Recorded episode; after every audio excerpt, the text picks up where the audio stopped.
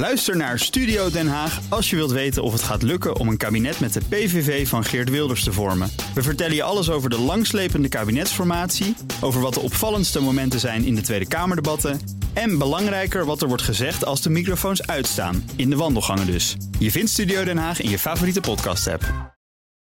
The fact that the Populist Party is in government is uh, nothing exceptional in Finnish politics. The the predecessor of the True Finns Party was a government party in the in the early 80s. So uh, populism is a fairly well-known phenomenon. There's there's a long tradition of populism, and therefore it wasn't such a radical step for the present government to include mm-hmm. uh, the the True Finns.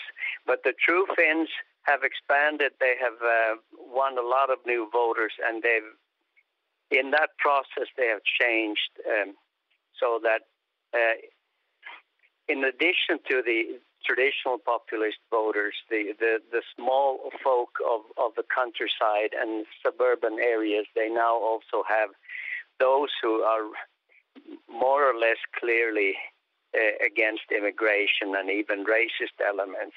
So it, it's a very it, it's a it's a mixture of uh, different kinds of voters, and uh, uh, that makes their government participation more difficult because there's a, con- a constant tension in the party uh, when it comes to compromising with the other government parties.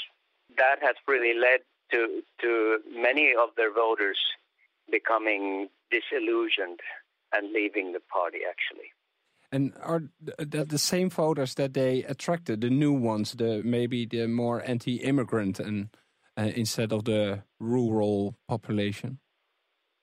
Yeah, well, uh, I would, in fact, say that the uh, the more extreme elements in the party organization have become more prominent, and and that has led led uh, uh, rather to more moderate elements, more moderate uh, segments of, of the electorate leaving the party.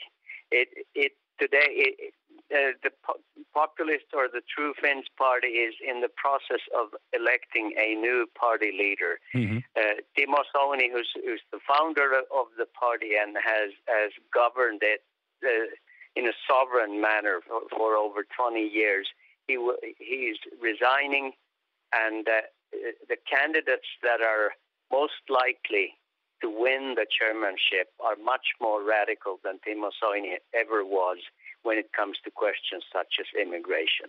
And that counts for both. Uh, I saw the name of uh, Halla-aho and of uh, Mr. Terho, if I'm not mistaken. That's right.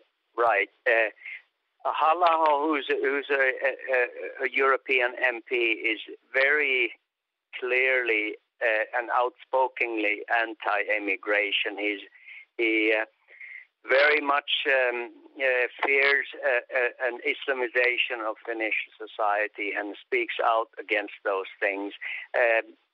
Mr. Um, Terho is not quite as extreme as Mr. Halla-aho, but he is uh, clearly much more openly nationalistic than than uh, the present chairman of the party. Bij BNR ben je altijd als eerste op de hoogte van het laatste nieuws. Luister dagelijks live via internet. Bas van Werven. En heel langzaam komt de zon op rond dit tijdstip. Je krijgt inzicht in de dag die komt op BNR, het Binnenhof in Nederland en de rest van de wereld. De Ochtendspits. Voor de beste start van je werkdag. Blijf scherp en mis niets.